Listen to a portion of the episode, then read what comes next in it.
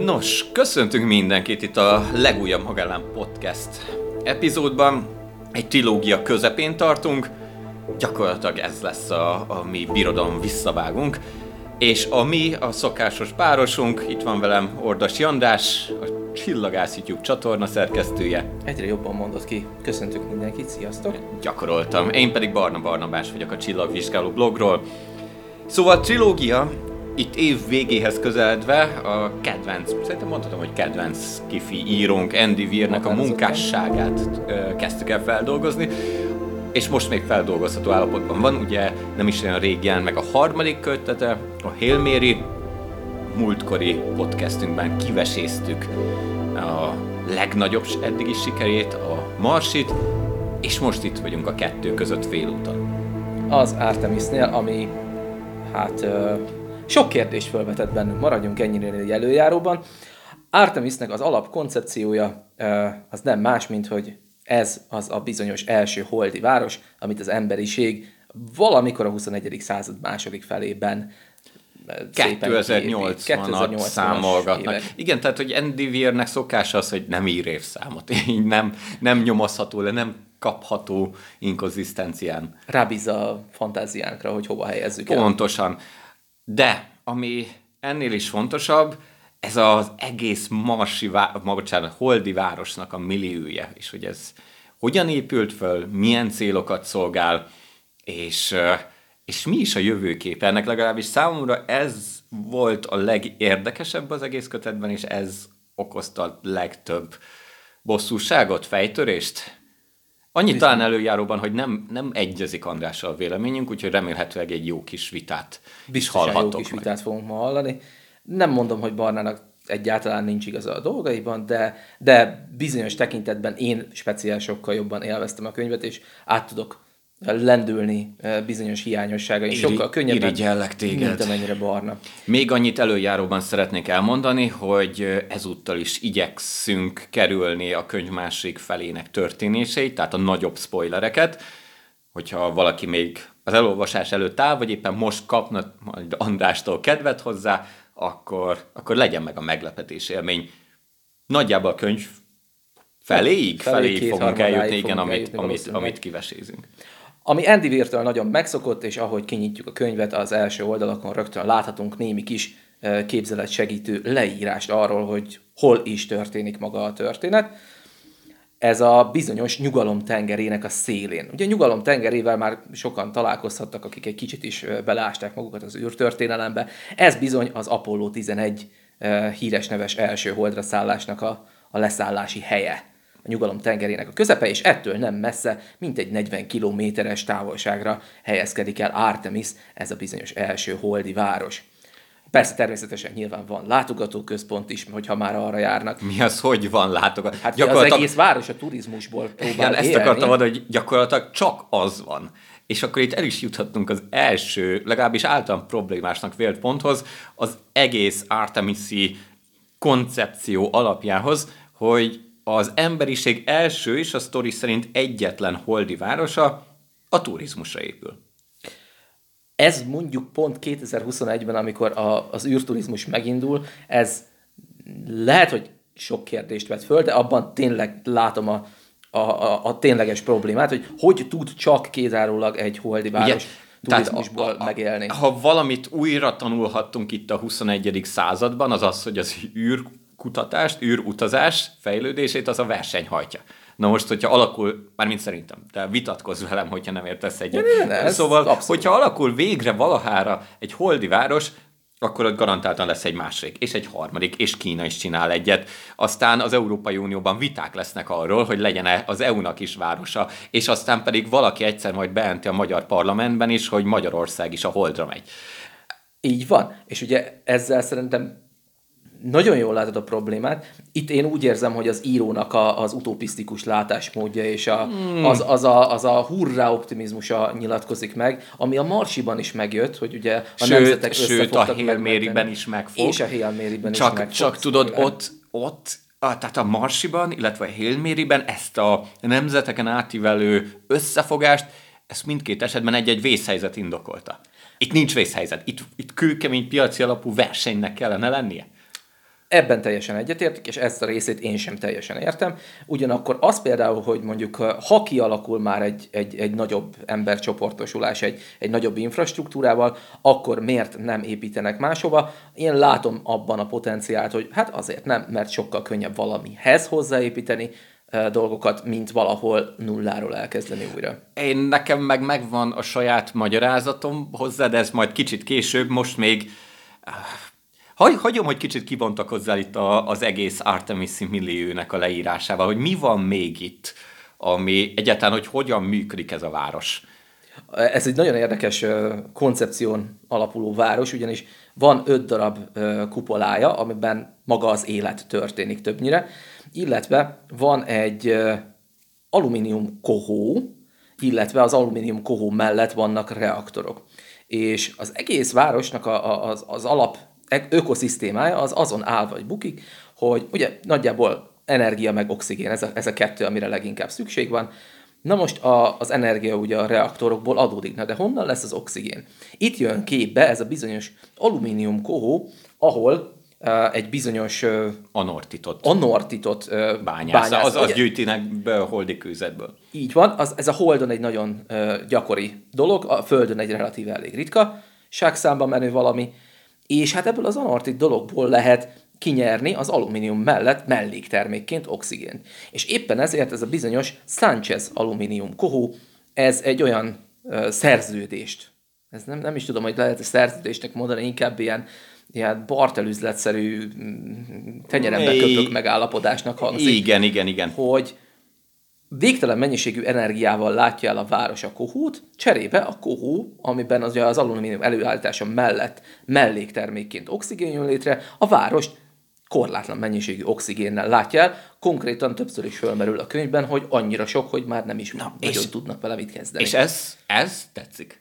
Tehát, hogy, hogy egy iparág van, az valamennyire realisztikus is, mert azért a hold nem bővelkedik ásványi kincsekben az, hogy ezt egy monopólium már alakította egy cég, az alumínium termelést, azt is én teljesen könnyedén elképzelhetőnek tartom. És az, hogy a, a város, illetve ez a monopóliumban lévő gyár, ez egymásra van utalva, és ráadásul, hogy a, a, amit az András elkezdett boncolgatni ennek az anortitnak a kibányászása, feldolgozása, melléktermék, ez a vírféle alaposságot mutatja. Tehát amikor ő ö, utána jár ezeknek a dolgoknak, kiszámolja, megtervezi, és fölépíti maga, magában ezt a realisztikus fejlődést, ez volt talán az egyik kedvenc részem az egész kötetben. De ah, akkor, tegyük, okay, de akkor tegyük mellé, hogy ezt az egész várost, ezt kigründolta? Hát a kenyai űrügynökség. A ke- Ugyanis... A kenyai űrügynökség, tudjátok, Kenya, a, a világhatalom, a, az űripari mogul, közvetlenül a magyar űrügynökség után. Szoros, szoros versenyben van a kettő egymással. De hogy a, az alternatív történelem, vagy hát hiába hozzánk képest a jövőben játszik, szóval Vír gondolatvezetése szerint Kenya azért alapíthatta meg az első űrvárost, mert hogy közel van az egyenlítőz. Kenya területe, és ezért gazdaságosabb onnét indítani akár csak műholdpályareállításokat, vagy akár űrhajó modulokat, holdi modulokat, stb. És ez igaz az állítás önmagában kvalitatíve igaz, kvantitatíve, hogy ez mennyivel jobban néz ez meg, ez, ez, ez nem, már vitatható. Ez nem jelent akkor előnyt. Annál is, inkább, annál is inkább, mert mindegyik nagyobb űrhatalomnak jelenleg van már az egyenlítőz közeli űrbázisa, vagy indítóállomása. Ugye az európai se Európából indítanak. Hanem francia Gajánából, a karibi térségből. Szóval, hogy ez a sztori szerint ugyanis egy vizionárius kenyai üzletasszony meglátta a potenciált az űriparban, és rávette a, az ország politikusait, hogy mindent tegyenek föl erre. Na most, tök oké, okay, de azért Kenyában a minden még mindig nem olyan sok. És ez Egyszerűen nem, nem vette be a gyomrom ezt. Nem, nem. Tehát ez, ez, ez, ez, ez egy kicsit uh, sántító dolog, de én, speciál emögött, e, e fölött el tudtam volna és, suhanni. És várjál, még rosszabb, mert hogy ugyan kenyaiak gründolták az egészet, és hozták tető alá, De a sztori, bár nem fejti ki ezt részleteiben, azt sugalja, hogy ez az egész Artemis ez azóta kicsit olyan félig meddig önálló konzorciummá érett, mint egy, mint egy cég. Tehát Kenya létrehozta a történetének legnagyobb projektjét, beelőzött minden szuperhatalmat, majd aztán így elengedték, hogy csináljatok, amit akartok ott a Holdon. Na most azt mondanám, hogy majdnem minden skifiben én hajlandó vagyok megengedni legalább egy olyan alapvetését a sztorinak, ami butaság. a valóságtól. Igen, majdnem más szót használtam, szóval ami butaságnak tűnik. Kész, hajlandó vagyok ennyit megadni. De itt többet várok. Egy többet várok, és hiába nem számít a sztori szempontjából, hiába tényleg nem azt nem az a karakterek szempontjából sem, hogy, hogy hogyan jött létre az a város. De én nem tudtam ezt elengedni abban a néhány száz oldalon, ami után, ami után ezt, ezt az információhorzsát követte.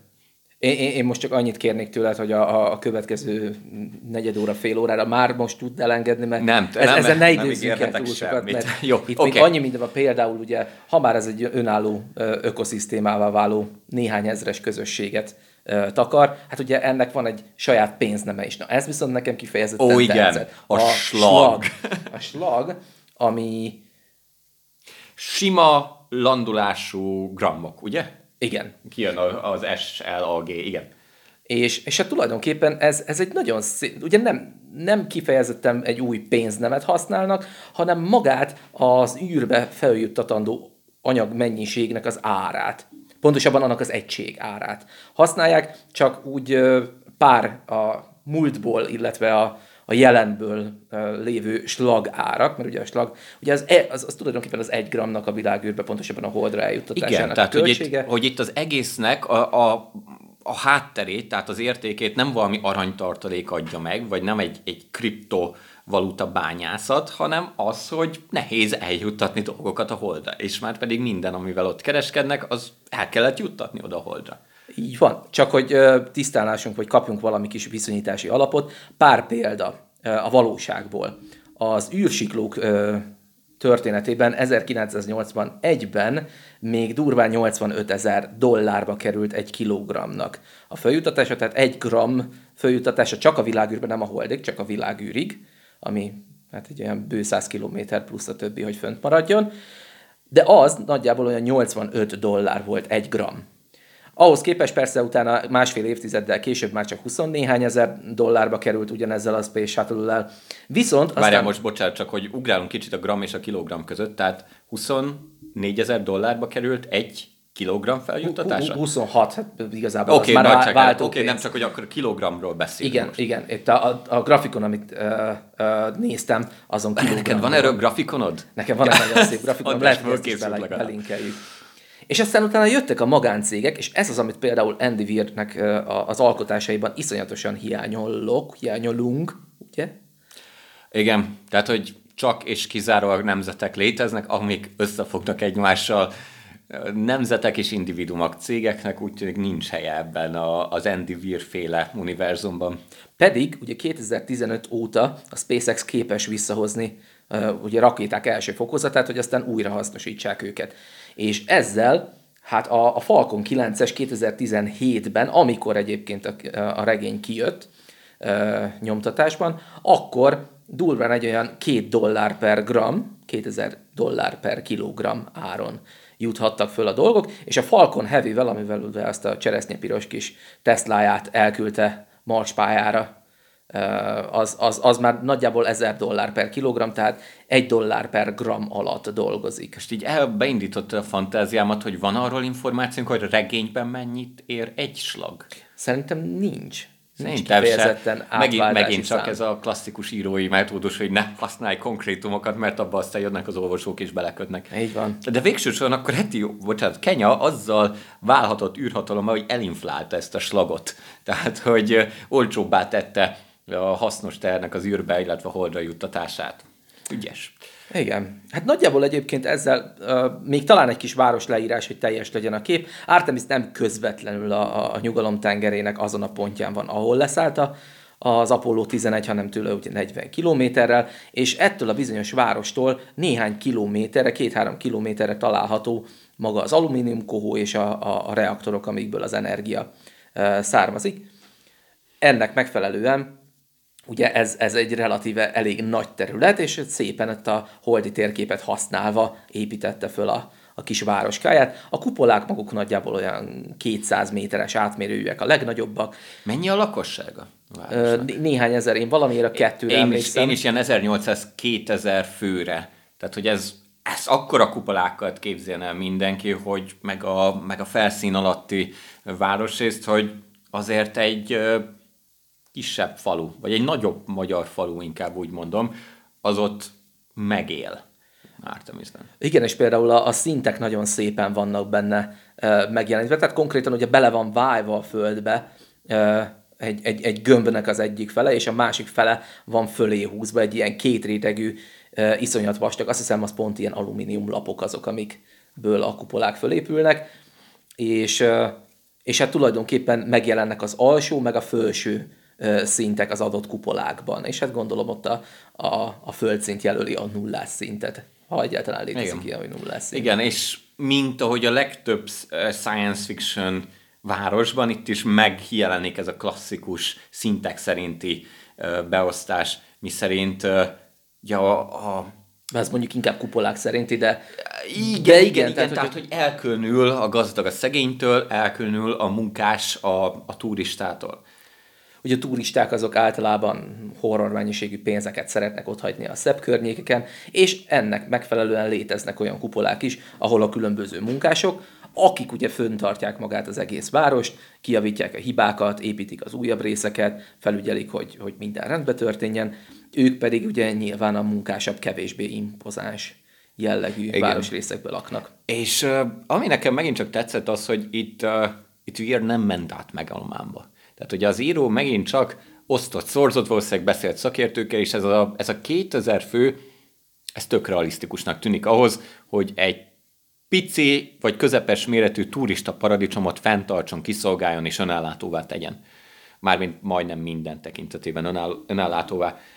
A város megalkotása is tök oké, okay. a slag ötletért jár a pacsi, de az etnikai összetétel, illetve annak a fejlődése, hát ott megint csak fogtam a fejem.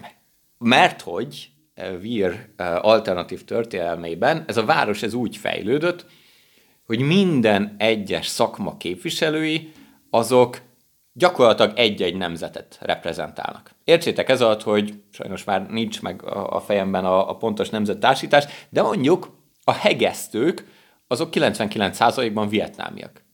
Miért? Mert hogy az első hegesztő, aki ott elkezdett dolgozni és letelepedett az Artemisen, nyilván a saját bandáját, családját, ismerőseit invitálta meg, vagy ajánlotta be Artemisre, és innentől kezdve egy-egy szakma, az gyakorlatilag egy-egy nemzetet kezdett el leképezni.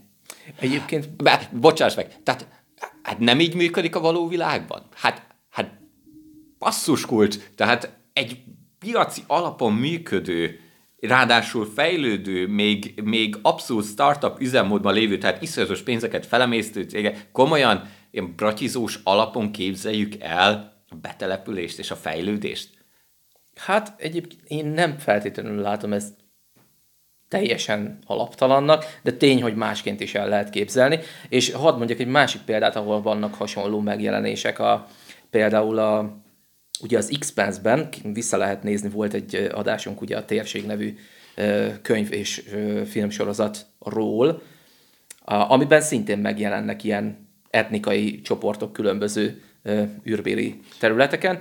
Jól lehet, ott, ott sokkal kevésbé szignifikánsan különülnek el. Pontosan, meg ott keveredés van, meg ott az a mondás, hogy amikor például megindult egy-egy nagyobb kivándorlás mondjuk a Marsra, akkor a, a letelepülést úgy intézték például nagyobb közvetítő cégek vagy államok, hogy egy helyre települtek le, így például a Mariner völgyet texasiak és indi, indiaiak népesítették be javarészt. De én erre azt mondom, hogy ezt el tudom képzelni. Tehát amikor tömeges kivándorlás van, akkor ezek a tömegek nagyjából egy csoportban vannak. Ezt láttuk mondjuk Észak-Amerika betelepülésén, és ahol az, megmaradtak az ír, az olasz közösségek nagyon-nagyon-nagyon sokáig, sőt, még majd a mai napig.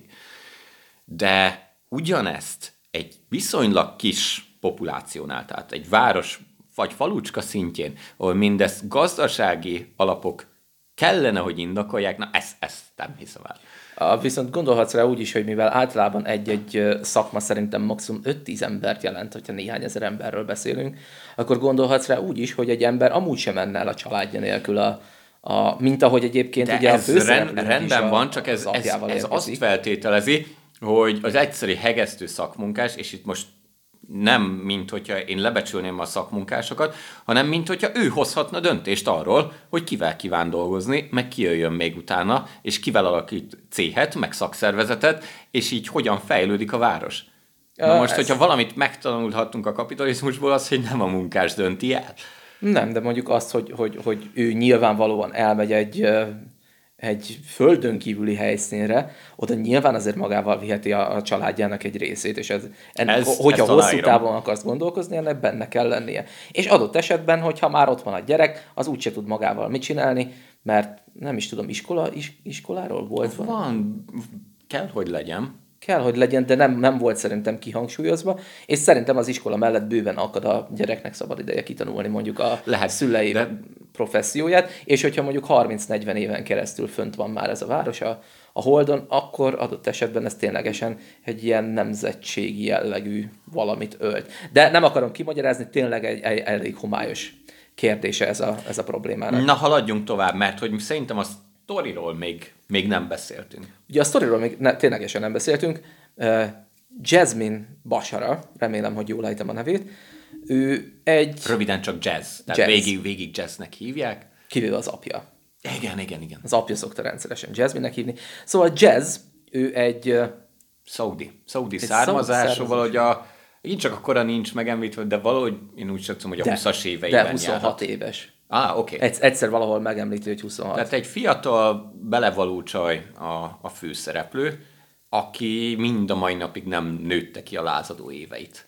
És eleve ezeket a lázadó éveit, ezeket mind a, a Holdon töltötte. Ő, ő a Holdon is nőtt föl, és pont ezért egy hatalmas félelme az, hogy deportálják a földre, mert hogy ő valójában csempészetet folytat időről is. időre. Hát ilyen kiegészítő Kis kiegészítő a Földön egy kedves levelező barátja az, akivel nagyon jó kapcsolatot tud kialakítani, aki pont éppen csodák csodájára, hát a földi berakodó munkásokhoz kerül, azoknak a vezetőjévé válik, és akkor így ezek a csempészáruk sokkal könnyebben eljuthatnak át. The beginning of a beautiful friendship. Pontosan. És hát ennek megfelelően neki van is egy híre a városban, miszerint ő be tud szerezni dolgokat. Vagy egyéb más tevékenységeket is tud végezni, és itt semmi rosszra nem kell gondolni, egyszerűen csak megvannak az alvilági kapcsolatai. Ismeri a város aprja nagyját, kapható a kisebb-nagyobb csintevésekre, avagy bűncselekményekre. Csak hát ugye vigyáznia kell, mert a, a, a kanadai kemény fiú sheriff, ő például... ne, tehát a basszus, az megint csak egy, egy olyan, azt nem tudom másképp értelmezni, mint egy ilyen kis easter egg, egy poén, hogy hogy, hogyan képzelsz el egy, egy, egy kanad... kanadait? De egyrészt az is kevés Ezt dolog elképzelni, ja. de hogy előtte, hogy megjelent ez a karakter, egy nagy darab kanadai kvázi biztonsági őr, vagy rendfenntartó, én rögtön láttam a piros kabátját, meg ezeket a, a széles nagy, kalapját. széles, fekete kalapját. Én, én is abszolút, én így képzeltem el végig. Hát persze, persze, kanadainak kell lenni. Jó, oké. Okay. És ő folyamatosan ugye a sarkában van, volt egy igen komoly balesete, amit egy ilyen fiatalkori partizás során sikerült elvétenie a barátjának, és ezzel hát fölrobbantja a, az apja új műhelyét. Igen. Ez megint csak olyan, a konfliktusok ebben a könyvben ilyen nagyon szitkomszerűen vannak megalkotva. Tehát, hogy érthető a konfliktus, van ott konfliktus, de semmi olyan drámai dolog, ami mondjuk senki nem halt meg ezekben a konfliktusokban, semmi olyan végletes dolog nem történik, ami mármint ezen emberek múltjában, és a sztori nagyobbik része van, ne lehetne elütni egy-egy poénnal. Mm. Tehát az, hogy, hogy jazz és az apja, aki egyébként egy sokkal konzervatívabb uh, muzulmán uh, ő, ő pont hegesztő munkás, azt hiszem. Szóval, hogy, hogy az apja, illetve jazz között egy ilyen komoly konfliktus uh, feszül, ez is egy ilyen szitkom szinten van tartva. Én ezt sokkal komolyabbnak éltem meg. De az összes többi, tehát ott van a munkatársa, aki végül kisegíti, nem is egy csávából, délnek hívják, Dél, azt. Igen. Tehát ott is a, a konfliktus alapját azt jelenti, hogy Dél elszerette jazz barátját. Um, az, az egész egy ilyen... Az, az tényleg komikus. Egy ilyen de kicsit, kicsit művi komikus, vagy művi haragszom rá szinten van kezelve, és ez úgy nagyjából majdnem minden karakterre igaz. Te nem érezted azt, hogy egy, hogy egy kicsit ilyen, ilyen rajzfilm szinten vannak tartva a feszültséges és a konfliktusok? De éreztem, hogy, hogy, hogy nincsenek olyan konfliktusok, ami, ami, amilyen életre halára menne, de hát mondjuk, hogyha azt képzelem el, hogy van egy 2000 fős város, és együtt kell élni, akkor nem is tudom nagyon más, hogy elképzelni, Oda, hogy, hogy nem. Működjön. Kidobom a francban, vagy hát deportálom az földre, és hívok be a valószínűleg több száz jelentkező közül valaki olyat, aki betartja a szabályokat, és jobb munkaerő. Lehet. Mert hogy egyébként, és itt kezd el fölpörögni a könyvnek a sztoria, Jazz kap egy megbízást. A viszonylag kevés, vagy nem azt mondtam, hogy arisztokrácia, de hát a felső tízezer, de itt a felső tízezer az nagyjából tíz fő, szóval a felső tíz egyik tagjától, egy milliárdostól, aki a lányával él Artemis városában, egy komoly megbízást kap, ami már túlmutat a csintevésen és a csempészeten. Ez a megbízás nem más, mint hogy az alumínium kohónak a begyűjtő kis robotautóit kellene. Nem is olyan kis robotautók. Nem is olyan kis robotautók. Óriási dömperek. A, a, én ahhoz tudnám hasonlítani, mint most láttam, és az, az, az nem is tudom, hogy uh, melyik űrügynökség vagy cég rakta össze a, a holdjáró autót. Tehát ez, egy, ez egy ilyen rendes szobaméretű uh, jószág, egy kisebb és szobaméretű jószág. Abból is három három ilyen járművet Ez kell. Négy is. Négy. Hármat szóval, tettünk Szóval négy, négy járművet kellett szabotálni a kint holdi terepen, ami egy csomó problémával jár, mert nem is olyan könnyű kijutni, tehát itt nem mászkálhat akárki a hold terepén, meg viszonylag nehéz elbújni, és innentől kezdve a, a sztori átmegy egy, egy heist movie-ba. Tehát gyakorlatilag itt nem ellopni kell valamit, tönkre kell valamit tenni, de attól még azt attól még heist movie. Igen, tehát a, És a, én szeretem a heist movie-kat. Úgyhogy... Én is szeretem a heist movie-kat, csak tudod, ez, ez nem működött annyi. Illetve itt még működött. Itt még azt mondom, hogy működik, mert, mert átláttatja az író a nézővel a kihívásokat, hogy itt valami egészen más megközelítést, türelmet, ötleteket, kapcsolatokat igényel egy ilyen feladat, és itt végig tudsz szurkolni a főhősnek még, hogy eljusson odáig, hogy tönkre tegyen négy ilyen begyűjtő járművet. Csak megint csak az jár a fejemben, hogy a, itt gyakorlatilag az egész hold kvázi egyetlen iparágát hivatott tönkretenni. Persze egy jelentősebb összeg reményében, és az is megvan indokolva, hogy miért kell tönkretenni. Igen, és én például pont ezért nagyon szerettem, mert az alap motivációt az pont az adta, hogy ez az egymillió slag, nevezzük nevén a gyereket, egymillió darab slagot kapott volna, ha teljesíti a megbízatást, és ennek az egymillió slagnak a durván felé az arra ment volna el, hogy a, az apjának a, az új műhelyét azt rendbe hozza, vegyen neki egy újat és felszerelje, ami, ami hát ténylegesen egy, egy hatalmas költség. Akármelyik mai dollárára számoljuk át, akkor is ez egy hatalmas összeg. Igen. És a motiváció pedig, amiért ennek a milliárdosnak a megbízásából tönkre kellene tenni ezeket a begyűjtő járműveket, az az, hogy a milliárdos utána olcsóban tudja fölvásárolni az acélkohót. Megint csak azt mondom, logikus, Értem. De basszus, tehát, hogy itt a tét, a bűnténynek a mértéke, illetve az egészen járó veszély, az messze túlmutat néhány oldalas poénkodáson és, és elmélkedésen. A, igazából ez, ez lenne az a pont, ahol bedobnám a, a, a szokásos űrvadnyugat kifejezést. Na, ez lehetne űrvadnyugat, de az egész nem úgy van kezelve, hanem egy ilyen kicsit szitkomos poénkodásokon megy át az egész konfliktus. Amikor... Nem így éreztem, határozottan nem így éreztem. Az tény, hogy, hogy, hogy rengeteg humorral, jópofáskodással van elütve ja, mert egy, egy csomó... Azt talán nem hangsúlyoztuk ki, hogy itt is végig minden e per egyben zajlik. Így van. Tehát, hogy itt, itt jazz eszmefuttatásait kapjuk meg oldalról oldalra, és a, a, azt látjuk, amit ő lát, és azt halljuk, amit ő mond, vagy amit ő gondol, ami, ami szerintem működik, mert jazz karaktere jó.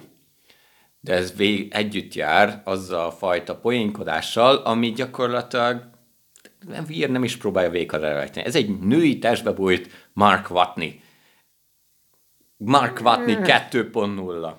Kicsit kevesebb a, gátlással, hasonló és, beütések vannak. És hasonló uh, skillsettel.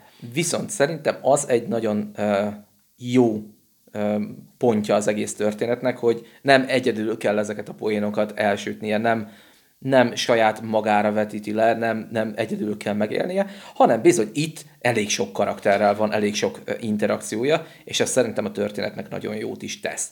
Dinamikusabbá teszi. Sokkal dinamikusabbá teszi. A Andy Weir abszolút nem ebben profi, tehát hogy aki Shakespeare jellegű párbeszédeket vár, az, az, ha, az nem. fog. De ettől függetlenül nem, még csak azt sem mondom, hogy nagyon eredeti karakterek vannak, de nagyon jól harmonizálnak azok a, azok a néhol kis és sablonos karakterek, mint például a, a Svoboda nevű kocka, aki segít jazznek minden egyes technológiai problémát megválaszolni, mint például a és akkor még egy nagyon fontos dolog van a, a történetben, amit érdemes megemlíteni szerintem. A cucc, amiért, a cucc, az, egész, amiért az egész kibontakozik. Igen, tehát amiért megéri egy milliárdosnak egy, egy csempész fölbérelni ahhoz, hogy tönkretegyen komoly vagyonelemeket a Holdon, az a Zafó névre hallgató találmány. És ez szerintem nagyon szépen van le, nagyon szépen van Igen. elsimítva a könyvben, nagyon sokáig fogalmunk sincs róla, hogy miért megy az Azt egész. Hiszem, egy, gyakorlatilag egy vezeték. Ez, Ugye, ez van valami hosszú a közepet fele a könyvnek kiderül, hogy ez egy vezeték. És nagyon sokáig nem is tudják, hogy ez, ez jó, ez egy vezeték, de hát most ez különleges valamiért. És pont Svoboda nevű barátja Jazznek talál rá a kulcsra, a megoldásra, hogy ez egy, ez egy veszteségmentes optikai kábelvezeték. Igen. Egy olyan, ami ami annyira pici veszteséggel dolgozik, ami, ami elképzelhetetlen a jelenlegi földi iparnak. És később meg is magyarázódik a dolog, hogy igen, itt azért kell a Holdon új gyárterületeket meghódítani, mert bizony a sokkal kisebb gravitációban lehet csak előállítani magát az anyagot, és, és hát tulajdonképpen ez, ez bőven elég motiváció. Itt, itt csúnya, talán nem is tudom, trilliárd dollárokat emlegetett a könyv, hogy egy ekkora iparág épül kommunikáció. Tehát, hogy ez nem, nem csak Artemis, és nem csak a hold szempontjából fontos ez a technológia, azt kell aláhúzni, hanem ez forradalmasítani az egész emberiség telekommunikációját, az átviteli sebességet, a, az anyagköltséget, hogy ezeket a hálózatokat kiépítsék, és így tovább. És mivel ugye ezt nem lehet akárhol gyártani, és a holdi infrastruktúra, mint láthatjuk, megrekedt egy városka szintjén, ezt írtó könnyű monopolizálni ezt a technológiának a gyártását. Úgyhogy itt érti meg nagyjából az ember a könyv felénél, felénél kétharmadánál igen. hogy miért, mire is megy a játék. És akkor itt azt mondja, hogy aha, oké, okay, értem a tétet. És akkor itt valami komoly dolog megy. Itt, itt nem csak komoly pénzek, hanem emberéletek forognak már kockán, mert hogy az is kiderül, hogy, hogy itt a, az alvilág is képviselteti magát azért Artemisen és nem igazán változik ettől a könyvnek a hangulata. Tehát ugyanúgy egy ilyen könnyed hangvételű poénkodásokkal, dorgálásokkal, megtűzdelt uh, sztori megy tovább. Lehetett volna még egy kicsit fiatalabb a, a főhősünk, és akkor, akkor még lehet, hogy könnyebben is elnézem neki, mert bizonyos téteket az ember kellően fiatalon nem lát át, nem feltétlenül dolgoz föl és ért meg. Tehát, hogy úgy, úgy gondolod, hogy egy kölyökként ez jobban, vagy realisztikusabb lett volna ez a szemlélet? Ja, mondjuk egy 18-9 éves. Adok. Igen, tehát én is most így Igen. gondolkodok, ezt én nem élveztem volna jobban, sőt, de valószínűleg jobban működött volna ez mondjuk egy ilyen young adult uh, könyvként, vagy sztoriként. Tehát ahol, ahol a, a főszereplő itt tanulja meg a, a téteknek a súlyát. De a fő karakter nekem, nekem abszolút működött, körülötte a millió, a párbeszédek, a többi karakter, ahogy kezelték a, a konfliktusokat és a téteket, az nagyon nem. És erre rátett a lapát a, a könyv utolsó negyede, harmada, amit nem szeretnék elspoilerezni. Te szeretnéd? Azt szerintem csak hagyjuk lógva a társaságot. Ugye, amiről eddig beszéltünk, az az, hogy, hogy itt van egy kialakulóban lévő új iparág e, e körül, a Zafó körül, hogy van egy régi, de egyébként maffia kézben tartott alumíniumkohónk, és Brazil maffia. Brazil maffia hálózat. Nem Tehát érted? Bárki, bárki lehetett volna, de nem. A, a favelák világából küzdötték fel magukat a holdig. Azon gondolkozom, hogy 2017-ben vajon ilyen, ilyen etnikum antirasszizmus korszakot éltünk-e, hogy, hogy ennyi mondjam, különböző nemzetet bele kellett venni a történetbe? Én, én nekem tényleg az volt, csak Talán a gondolatom, hogy így Weir megpörgette a földgömböt, rádobott egy Darcyat, és ahol földet ért az adott etnikum, az adott karakter, az abból az országból származott. Lehet benne valami. És nem tudom, magyar van? Van, az, van, hiszem, van, van a történetben. Van a történetben magyar, ilyen kis mogorva asszonyság, azt hiszem, akivel beszél jazzmenet közben. Fú, Na ezért most, most amint befejezzük a felvételt, ennek utána nézek, mert ez most izgatja a fantáziámat. A magorva az nekem is megvan az emlékeimben, csak sajnos már régen olvastam a kötetet. Na és ugye az a helyzet, amit igazából a könyv a végére meg akar oldani, az az, hogy ugye itt van egy egymásnak feszülő ellentét, hogy jön egy maffia hálózat, ami szeretné az irányítása alá vonni Artemis-t. Ugye itt menet közben fölbukkannak bizonyos orgyilkosok, akik nem tétlenkednek időközben. Igen, tehát pörög a sztori. Azzal nincs gond. És, és aztán utána ténylegesen ezt a maffiát kell meggátolni abba, hogy legyen bármi értelme eljutni hozzá, mármint erre a városra, uh-huh. Artemisre, és ténylegesen a, a, a fő küldetés a könyv végére az lesz, hogy ezt hogyan lehet megakadályozni, de szerintem ezt ne lőjük le. Elég annyi, hogy itt ténylegesen a város jövője a tét, hogy akkor most ki is fogja irányítani, és hogyan is fogja irányítani. Ami még Barnának egy, egy igen komoly veszőparipája a Mi az, hogy egy? Még, várjál, nekem még van egy lista. Nekem még van egy listát, nagyon jó. Okay, amire én emlékszem, hogy az, azon sokat ö, ö, dumáltunk, és ebben én is teljesen egyetértek, hogy Artemis alapvetően egy hanyatló félben lévő oh, város. Köszönöm. Köszönöm, ez majdnem kiment a fejemből. Igen, hogy az előbb ugye beszélgettünk arról, hogy hogy milyen más kis műfai változtatások álltak volna jól ennek a regénynek. Ez szerintem nagyon jól működött egy volna egy komor hangulatú közekként. Tehát, hogyha most belegondolunk abba, hogy egyetlen holdi város van, kvázi egy gyárral, illetve alapvetően turizmus alapulva, ezt én láttam volna egy ilyen fél disztópikus uh, díszletként is. Mert hogy ez a város, ez megakadt a fejlődésben. Itt, itt nem épültek új kupolák, és ezt egyébként erre utaltam korábban, hogy ez lehet ilyen alternatív magyaros, uh, magyarázatként kezelni, hogy miért nem épültek további városok a, a Holdra. Mert nem érte meg. Mert Kenya kvázi beledobta mindenét egy olyan projektbe, ami zsákutca lett. Kenyában a minden, most a sztori szerint valószínűleg minden eddigire jobban éheznek az emberek. Tehát, hogy, és, és ezért töri magát a városvezetés és azon a könyv végére, hogy valami új ipar felpörgesse artemis mert ez az egész, az emberiség egyik legnagyobb vállalkozása zsákutca volt. Én legalábbis minél többet gondolkozok a körülmények. Vír valószínűleg nem, nem ilyen indítatásból írta, vagy nem rejtett el ilyen misztereggeket, szóval ez egy ilyen alternatív magyarázat csak a részemről.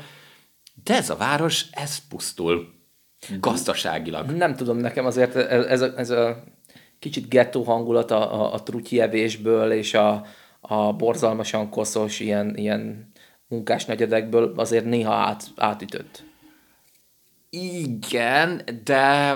Meg abból de is, hogy a törvény az, az, az mondjuk olyan, hogy megvernek, hogyha éppen olyat teszel, ami, ami nagyon Jó, de az is egy ilyen, ilyen, ilyen szitkós vagy rajzfilmes verekedés. Tehát a, a kanadai Igen. biztonsági őr, az megdorgál, megfenyeget, beszólogat, lekever egy csicska lángost, de egyébként ennyi. Tehát, hogy a legkomolyabb büntetés, amivel fenyegetek, hogy visszaküldünk a földre. Hát ebből a városból ez lehet, hogy egyébként egy jutalomutazás lenne. Nem? Tehát, Hát hogy egy jazznek mondjuk pont nem, de egyébként én, én a, a adtam javarész- volna, és, és láthatjuk majd a, a harmadik podcast epizódnál a Hail Mary-nél, hogy Virtől nagyon távol áll a, a depresszív világkép és a disztópia, de itt lehetett volna ebből egy olyan, egy olyan közeget csinálni. Na jó, szerintem kanyarodjunk a végkonklúzióra. Én nem látom ennyire. Tény, tény és való, hogy én is el tudom képzelni ezeket a, a- pozitív irányba történő változásokat a, a könyvön, de, de alapvetően én ebben a formában is iszonyatosan élveztem, még most másodjára is, amikor újraolvastam. Nem jó a könyv, az a helyzet. Tehát, hogy Sőt, a... jobbat mondok, másodjára jobban szerettem olvasni, mint elsőre. Weir, ez egyébként Weirnek saját bevallása, ő nem jó karakterírásban. Innentől kezdve az, hogy több lett a karakter, több lett az interakció, ez ugyan fölpörgette az eseményeket, és legalább események vannak bőven, és ez abszolút a könyv javára írom, de behozott egy csomó hiányosságot, és valahogy én úgy érzem, hogy az arany középutat majd a harmadik kötetében találta meg Weir.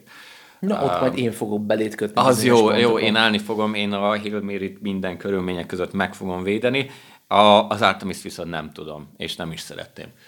Én sem állítom, hogy egy, egy 100%-ig tökéletes könyv, itt nagyon sok Kiemelkedik a sok éves átlagból, de az a léc, amit nagyon-nagyon magasra helyezett a Marsi, azt itt lefejelte az Artemis.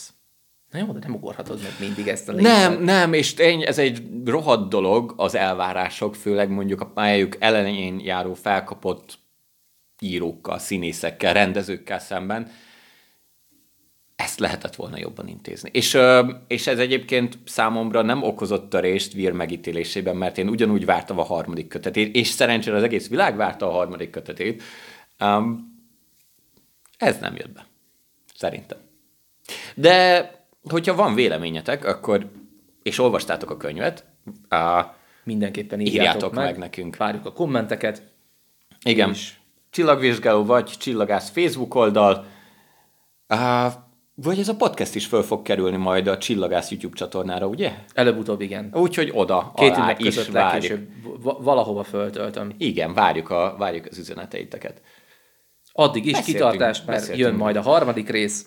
Tudod, miről nem beszéltünk? Miről nem beszéltünk? Hát a filmről. Hát mert nincs. Mert nincs. Na, Á, bocsánat, jó, ez lett volna az ultimate érvány. Tehát amivel Hollywood nem lát, megvásárolja a jogokat Hollywood, majd nem lát benne fantáziát. Pedig, pedig szerintem egyébként ez szépen működne filmen. Némi apró, finom hangolással. Szerintem is a történet nagyon jól működne filmen. Az egyetlen problémám az az, hogy egy, egy jó, holdi, egy hatott gés ö, nehézségi gyorsulást, azt baromi nehéz megcsinálni egy egész filmen keresztül, bár pedig itt az egész film ténylegesen a holdon játszódik. A Marsinál ezt úgy át tudtad lépni, de de úgy érzem, hogy itt, itt nagyon sok olyan akciójelenet van a, a Jó, történetben, ahol ezt, ezt nehéz lenne Száz, megugrani. százból hány nézőt zavarna az, hogy nem lenne ott folyamatosan az egyhatodos G szemléltetve. Engem, Látványos az téged, nekem pont igen. elég. Igen, valószínűleg engem is zavarna. Hát jó, szóval a, egyébként ezt csak azért vetettem föl, mert amikor kijött az Artemis, akkor rögtön megjelentek a hírek, hogy hát ezt is nyilván megfilmesítik a mentő expedíció után. Ezek a sztorik, ezek elhaltak 2018-ra. Tehát ez valószínűleg ez a projekt teljesen földbe állt. Mondjuk azt tegyük hozzá, hogy ha választanom kell, hogy az artemis vagy a Hail Mary küldetést filmesítsék meg, akkor én is a Hail Mary küldetést választanám. Há! Ezzel jövünk majd vissza. Mármint nem a megfilmesítéssel, hanem a könyvben. Így van. Addig is kitartást. Sziasztok! Sziasztok!